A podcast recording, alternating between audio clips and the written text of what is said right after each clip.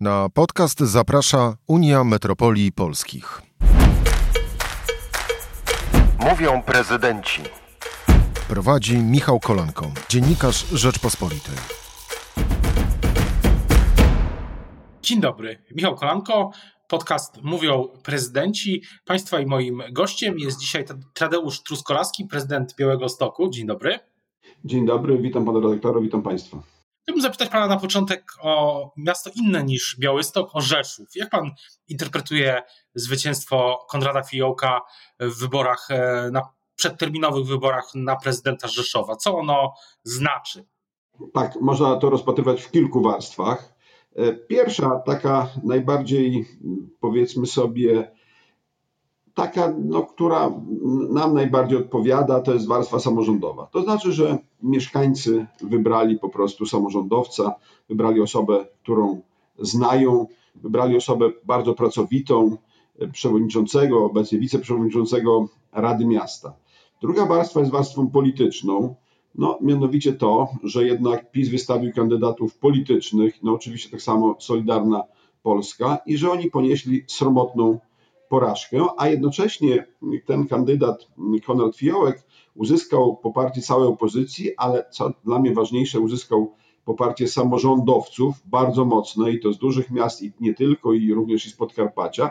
I tutaj pokazaliśmy swój taki gest solidarności, a jednocześnie taką siłę.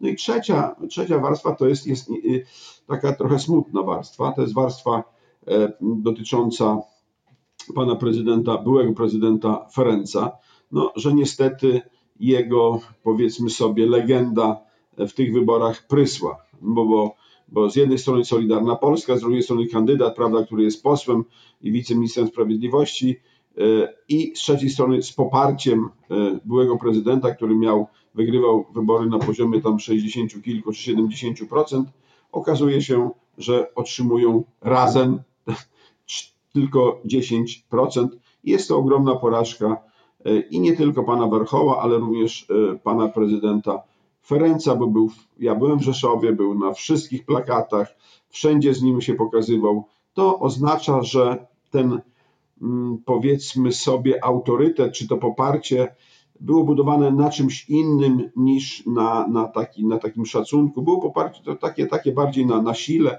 czy, czy na innych jakichś, nie wiem, trudno mi powiedzieć, ale w każdym razie, w każdym razie wygląda na to, że, że Rzeszowianie z ulgą przyjęli odejście Ferenca.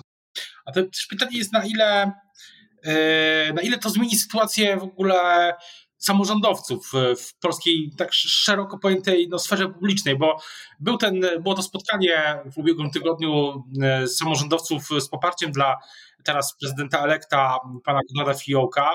E, czy uważa pan, że to jest jakiś też przełom dla pozycji samorządowców też no, w tym szeroko pojętym e, ruchu demokratycznym, o tak bym go, ruchu opozycji e, wobec PiS. Tak, na pewno my już wcześniej włączyliśmy się w tego, w tego typu działania, co oczywiście jest solą wokół PiSu, ale my, tak, żeby ja wielokrotnie tłumaczyłem, my nie jesteśmy przeciwko polskiemu rządowi. Nawet nie jesteśmy przeciwko PiSowi. My jesteśmy przeciwko psuciu państwa, niszczeniu y, demokracji, y, niszczeniu przede wszystkim właśnie tych fundamentów demokracji w postaci trójpodziału władzy, y, Trybunału Konstytucyjnego, no i wreszcie wolnych mediów i samorządu. I dlatego, dlatego to nas po prostu połączyło, bo, bo, bo, bo my jesteśmy ludźmi pragmatycznymi i wiemy, co potrzeba ludziom, a, a widzimy, że jesteśmy po prostu systematycznie niszczeni w każdej chwili. W tej chwili jakaś reforma ministra Czarnka, która tak naprawdę odbiera nam szkoły. Mało tego, po prostu dyrektorów robi funkcjonariuszami politycznymi, bo, bo, bo, tylko, bo tylko kuratorium będzie miało wpływ tak naprawdę wiodący na wybór dyrektora i mało tego, żeby zostać kandydatem na dyrektora, trzeba mieć pozytywną opinię kuratorium, więc prawdopodobnie będzie tylko jeden kandydat. E, słuszny, a później jeszcze, jak on będzie nieposłuszny, to można go będzie odwołać e, w każdej chwili bez podania przyczyn. No, dokąd my idziemy? No, no, a, a poza tym oczywiście warstwa finansowa. No, ale jest oczywiście druga sprawa, ta polityczna, druga strona polityczna, że jednak mm, wiadomo, że my nigdy nie byliśmy oczkiem w głowie jakby żadnej partii politycznej, bo, bo, bo prezydenci dużych miast według polityków są za bardzo niezależni, bo mają duże budżety, e, są wybierani w wyborach demokratycznych, mają duże poparcie społeczne, no i takich ludzi się generalnie nie lubi, bo oni personalnie zagrażają tym liderom politycznym, którzy, którzy takich wpływów nie mają. I tak było wcześniej, ale to było na zasadzie, no to powiedzmy sobie, troszeczkę innej, nie na zasadzie niszczenia. W tej chwili jesteśmy systematycznie niszczeni i co będzie? To będzie to, że Rzeszów nie, nie będzie dostawał pieniędzy po prostu od tego momentu, tak jak nie dostaje, tak jak nie dostaje Białystok, bo pro, proszę się y, tutaj nie spodziewać tego, że PiS wyciągnie jakieś wnioski i powie, no tak, no przegraliśmy, więc trzeba zmienić politykę. Nie, on tę politykę w tym momencie zaostrzy i po prostu będzie jeszcze bardziej straszył, bo oni tylko umieją straszyć. To wszystko, wszystko budowane jest na, na strachu i na tym nie dostaniecie pieniędzy. I w to w niewielkich gminach, w niewielkich miejscowościach, tam gdzie nie ma tego sieciowania samorządowego, gdzie nie ma tego wsparcia, tak jak my mamy, prawda, i w ramach Unii Metropolii Polskich, w ramach Związku, mm, Związku Miast Polskich, że tutaj się spieramy, mówimy jednym głosem, więc czujemy taką wsparcie, czujemy taką jedność, czujemy taką solidarność. Ci mniejsi włodarze tego nie mają i po prostu y, są zastraszani i robią to, to, co im każą. I oni chcą tak zrobić ze wszystkimi. No z nami się to po prostu nie uda, dopóki jesteśmy prezydentami. To y, Rzeszów e, to temat będzie jeszcze analizowany, myślę, jego znaczenie tych wyborów będzie analizowany jeszcze wielokrotnie, ale chciałbym przejść na grunt, grunt miejski, grunt też potrzeb e, mieszkańców i potrzeb rozwoju Białego Stoku i zmian, e, jeśli chodzi o Biały Stok. Pytanie jest o lotnisko, bo wydaje się, że w ostatnich miesiącach i temat lotniska które lotniska w, na Krywlanach budzi budzi emocje i pytanie tak ogólnopolskie bardziej, czy, czy samorządy teraz zwłaszcza e, no, powinny e, chcieć starać się budować, rozwijać swoje połączenia, czy właśnie infrastrukturę mm, portów lotniczych? Czy to jest dobry kierunek i o co chodzi też z tym e, wokół tego lotniska, wokół budowy tego pasa startowego? Panie redaktorze, pewnie by trzeba było Rzeczpospolitą wydawać przez miesiąc tylko na ten temat i ja mógłbym być ciągle o tym opowiadać. E, tyle się już tego nazbierało, a tu trzeba powiedzieć bardzo krótko. Przede wszystkim nie wyszła budowa lotniska regionalnego. Ja się wtedy nie mieszałem do lotniska, miało być regionalne. No z pewnych względów nie wyszła, tak zwanych dość, czyli Generalna Dyrekcja Ochrony Środowiska uchyliła decyzję środowiskową. Czas się skończył, rozpadło się, finansowanie unijne się skończyło.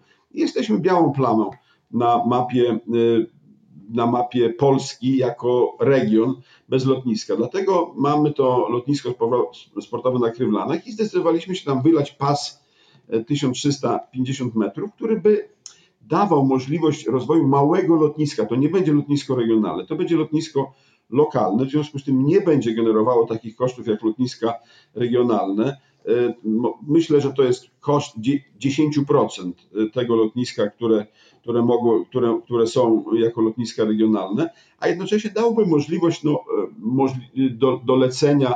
Ja nie mam wielkich ambicji, żeby, to, żeby latać za ocean, ale na przykład jedna destynacja europejska i dwie krajowe e, dzień, no, ta, ta europejska mogła być na przykład dwa czy trzy razy w tygodniu, a te krajowe e, do Warszawy, czy i, no, do Warszawy to sam lot nam proponuje, dlatego że po prostu chcą przejmować ludzi z Białego Stoku, a sporo ich lata do Stanów Zjednoczonych czy, czy do Kanady, żeby, no, żeby nie szukali innych połączeń, e, no, poprzez na przykład linie fińskie, prawda, czy, czy, czy, czy niemieckie, tylko latali właśnie lotem, w związku z tym no, taka kompleksowa obsługa z Białego Stoku i to pewnie może się udać. Ale, czy, czyli uważa, ale uważa pan, że, że generalnie teraz to mimo tej mm, sytuacji wokół pandemii i tej koniunktury na rynku lotniczym, to, to nadal jest potrzebna inwestycja? Tak, panie, panie redaktorze, my często myślimy e, bolącym zębem. Jak nas ząb boli czy głowa boli, to się wydaje, że cały czas będzie bolała. Otóż no, pandemia w tej chwili już, no, można powiedzieć, tak jak cytując premiera Morawieckiego, jest odwrocie. Już nie macie jej się co bać trzeba iść tam tu czy tu i lecieć gdzie, gdzie trzeba. E, to oczywiście trochę tutaj parafrazuję i trochę humorystycznie podchodzę do tematu, ale pandemia minie. Minęły nie takie pandemie e, w, w Europie 100 lat temu, prawda, Hiszpanka, która zabiła od 50 do, do 100 milionów ludzi i później się to wszystko, wszystko rozwijało, więc gdyby myślano tamtymi kategoriami, to nic nie trzeba było robić. Tak samo i tutaj ale tak jak powiedziałem, to nie jest lotnisko, które, które będzie jakoś konkurowało, czy nawet miało Mm, ambicje bycia lotniskiem regionalnym, to lotnisko, które naprawdę już paszport, pas jest wybudowany, czyli koszty już są generalnie poniesione. Chodzi o to tylko, żeby usunąć przeszkody lotnicze w postaci drzew. Niestety, i to jest, i to jest jeszcze, no powiedzmy sobie, kilkanaście tysięcy drzew. I w tej chwili sprawa jest w sądzie i to ma wymiar po prostu prawny. Są tacy, którzy blokują rozwój miasta, blokują rozwój Białego Stoku E, a my, to nie znaczy, że jeżeli my te drzewa wytniemy, to znaczy, że tam nie będzie zieleni. Tam można posadzić taką zieleń, takie drzewa, które będą, nie będą stanowiły przeszkód lotniczych. Tam można na przykład założyć szkółkę, prawda, czy inne rzeczy, e, czy też, czy też plantację choinek, prawda, na, Bo, na Boże Narodzenie. Jest tyle pomysłów na to, żeby ten teren był nadal terenem zielonym i nadal terenem zalesionym, tylko nie mogą to być wysokie E, drzewa, no ale tego niektórzy nie chcą zrozumieć, niektórzy nie rozumieją, a niektórzy oczywiście robią po to z punktu widzenia politycznego, żeby przeszkadzać. No i niestety no tutaj też y, do tego dołączyły się lasy państwowe, bo też się odwołały od naszej decyzji środowiskowej, czy też decyzji SKO. Temat jest bardzo skomplikowany. 24 będzie wyrok sądu E, Wojewódzkiego Sądu Administracyjnego w tej, w tej sprawie. Oczywiście on tam nie będzie prawomocny, ale poka pokaże, czy, czy, czy nasza decyzja środowiskowa jest zgodna z prawem, czy, czy coś jej tam brakuje. Od tego, za, no, tego będzie zależał dalszy rozwój. E, my mamy badania oczywiście i e, jeżeli chodzi o mm, te badania, które przeprowadziła Gazeta Wyborcza, no, to dla Was konkurencja, ale były takie. I tam na pierwszym miejscu mm, Y, mieszkańcy wskazali lotnisko, a jeśli chodzi o badania dotyczące konsultacji strategii, no to mamy tutaj na trzecim miejscu lotnisko, 9,4% ogółu odpowiedzi, że najważniejszy, to jest najważniejszy aspekt rozwoju Białegostoku, a na pierwszym miejscu są atrakcyjne miejsca pracy, ale to też nie jest taka duża różnica, bo to jest 9% to jest 12%, także e, jakby no prawie egzekwo cztery pozycje, no i później oczywiście ochrona środowiska, ale to działamy w tym e, bardzo mm, dynamicznie, łąki kwietne, prawda, e, nowe tereny zielone, mm, to znaczy żeśmy zrewitalizowali dwa takie stawy. Panie prezydencie, ale wracając jeszcze na chwilę do, do jeszcze do jednego aspektu transportu, bo pytanie o Via Carpatia, na ile jak pan ten projekt ocenia, na ile on jest ważny też dla, e, dla Białego Stoku, bo tutaj i tu akurat mam wrażenie, że e, to jest projekt, który też często pojawia się w przesłaniach e, polityków rządu, więc tu widzę pewien, pewną taką synergię, o tak bym to ujął. Tak, to jest oczywiście synergia. Ja jestem z wykształcenia transportowcem i zarówno doktorat, jak i habilitację pisałem na temat transportu. E, transportu drogowego mm, i też robiłem badania i ankiety. I u nas trzy drogi stanowią taki system e, transportowy, e, które muszą powstać jakby, prawda? Dwie z nich, jedna już powstała praktycznie, bo to jest S8, następna to jest Via Baltica S61, no i S19, która będzie domykała ten system, z tym, że brakuje tutaj nam przejścia na północ. My mamy, my mamy tak zwany missing link, czyli takie miejsce, gdzie po prostu e, no, on jest wyłączony w tej chwili, to pomiędzy Białymstokiem a Augustowem. Jeżeli tego nie udrożnimy, no to rzeczywiście ten system będzie ciągle e, kulejący, więc e, tam są problemy oczywiście środowiskowe, bardzo poważne, ale, ale w tej chwili technologia daje możliwość przejścia przez Biebrze w najwęż, najwęższym miejscu w taki sposób, aby tych bagien biebrzańskich nie naruszy. To jest pewnie tylko kwestia, kwestia kosztów, ale też są po prostu tacy, którzy to którzy mają możliwość poprotestowania i z tej możliwości korzystają, no bo dzisiaj wiemy, że mm, ustawa 2008 roku mm, o, o środowisku daje takie możliwości wszystkim, a nie tylko tym, którzy mają interes prawny i to jest w dużej mierze często nadużywane. Jest też pytanie ogólną, bo to jest, jest pytanie, które często się pojawia teraz w dyskusjach samorządowych. Jak, jak, jaki Pana zdaniem miał pandemia, jaki miała wpływ na, czy jaki ma wpływ na, e, na zmianę tej właśnie strate, ogólnej strategii rozwoju, rozwoju Białego Stoku? To jest pytanie, które ja często też zadaję samorządowcom. Czy coś, e, bo rozmawialiśmy o tym lotnisku, mówił Pan, że lotnisko e, był, jest dalej priorytetem. Co jeszcze nie uległo zmianie, a co może uległo zmianie, jeśli chodzi o taką ogólną strategię rozwoju miasta, nie tylko jeśli chodzi o transport? Tak, my w tej chwili, tak jak powiem, e, strategii zmieniać nie będziemy, bo opracowujemy nową. I na koniec roku ona ma być opracowana, już mamy, powiedzmy sobie, e, no, e, wizję, prawda, mamy, no, powiedzmy sobie, misję i pokazanie najważniejszych kierunków. No tutaj takie działania oczywiście na rzecz zatrudnienia są bardzo ważne. Wiemy, że, że no, miejsca pracy, dobre miejsca pracy. Drugie to są działania na rzecz zdrowia, no bo to, to jest właśnie może związane z pandemią, że to zdrowie wybiło się gdzieś tam na, na, na pierwsze miejsca. Kolejne to są działania na rzecz nie, osób z, y, związanych z zagrożeniem wykluczeniem, wykluczeniem społecznym e, działania na rzecz partycypacji społecznej, promocji kultury. Jak, państw, jak tutaj widać, oczywiście jest gospodarka, ale, ale w dużej mierze kwestie społeczne, do tego, że ludzie są wrażliwi w tej chwili na kwestie społeczne, dlatego że ciepłą wodę w kranie już mają. Mają dobrą komunikację, w Białymstoku bardzo dobrą, może być nawet znakomitą. Mają 170 km dróg rowerowych. My mamy wybudowany system cały dróg. Włożyliśmy w to e, ze 2,5 miliarda złotych, nie, ponad 3 nawet miliardy złotych w, w, system, w system drogowy, więc szukają tego, co jest jakby zgodnie z taką, powiedzmy sobie, piramidą potrzeb Maslowa, są, potrzebami, są to potrzeby wyższego rzędu, czyli, czyli to są potrzeby na, na, na zasadzie mm, powiedzmy sobie samorealizacji, czy też mm, takiego dobrostanu, który jest wokół nich, że nie trzeba będzie jechać do, do, do, do daleko do, do centrum, chociaż u nas żadnego miejsca nie jest daleko, bo miasto jest małe, kompaktowe, ale mimo wszystko na to trzeba w tej chwili kłaść nacisk, na te, na te potrzeby społeczne ludzi, wokół miejsc, w których żyją, więc tworzyć na przykład tworzymy już pierwsze parki kieszonkowe powstały. Y, u nas zachwyt to łąki kwietne. Y, dzisiaj było, odbyło się pierwsze miodobranie, bo mamy taką mini pasiekę miejską. To, to jest takie duże zainteresowanie takimi ciekawy, ciekawymi rzeczami. A co to zmieniło? Panie redaktorze, ja bym powiedział tak, to polityka PiSu y, zmieniła dużo, a nie, nie pandemia. Nie pan a w takim sensie, że, że odebrane są nam pieniądze.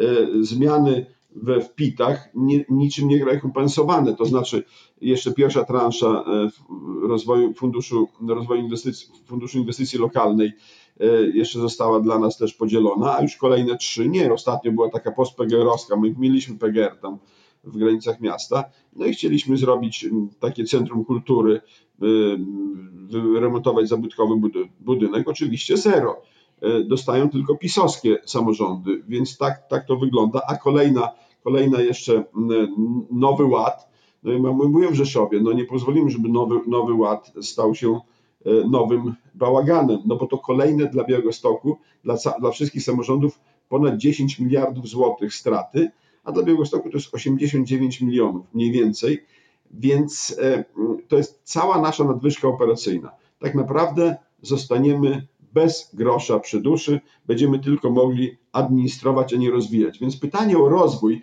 kiedy się ciągle zabiera, no jest pytaniem, powiedzmy sobie, z dużym znakiem zapytania, bo my, bo my nie będziemy mieli za co się rozwijać. Wie pan, ja y, nie było pandemii żadnej i wypowiadałem się do wspólnoty i do innych, że, że w następnej, następnej perspektywie finansowej, jeżeli nie zmieni się zasad finansowania czy też udziału własnego, to to nie będą środki unijne, tylko środki unijne, bo my nie będziemy jako samorządowcy mieli wkładu własnego. A teraz jeszcze dwa razy dostaliśmy takie ciosy potężne i wie pan, ktoś, bokser dostaje dwa potężne ciosy, jest liczony i mówi, słuchaj, no ty, ty walcz, ty, ty, ty bierz się do roboty, a on, a on myśli, jak się utrzymać na nogach. I my jesteśmy w takiej właśnie sytuacji, że dostaliśmy dwa potężne ciosy i jeszcze dodatkowo właśnie ten bokser dostał zatrucia żołądkowego, a my, do, a my prze, przechodzimy jako społeczeństwo pandemię. Więc jesteśmy w takiej sytuacji bardzo, bardzo trudnej i przyszłość, jeżeli, wie pan,